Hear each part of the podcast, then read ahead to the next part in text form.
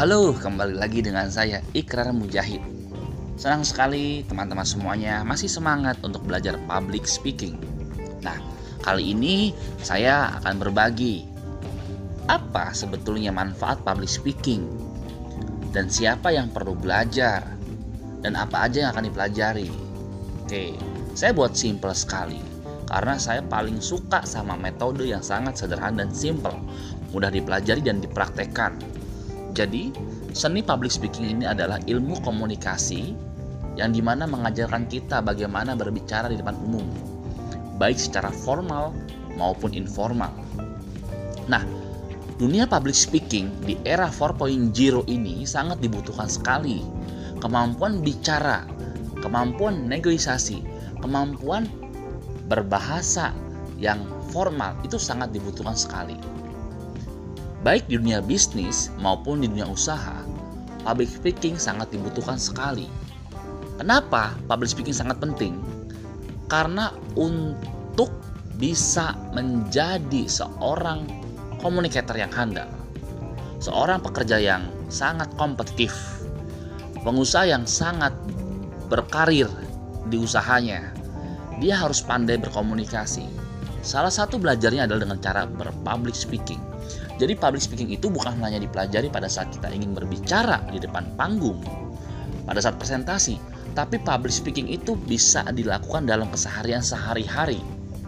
Nah, contohnya seperti apa?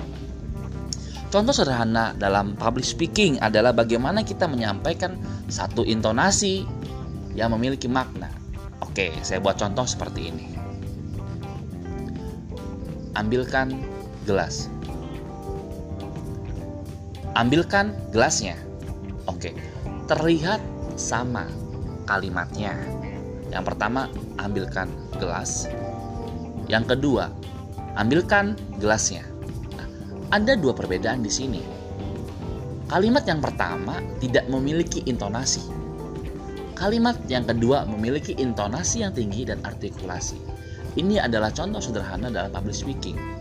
Nah, di dalam public speaking kita perlu menekankan di mana kalimat yang perlu kita garis bawahi di mana kita menekankan, meninggikan, menaikkan intonasi suara kita sehingga audiens pun dengan tenang, dengan nyaman, dengan senang mendengarkan apa yang kita sampaikan. Pada saat kita bicara sesuatu dan itu datar, audiens sangat bosan dan boring sekali.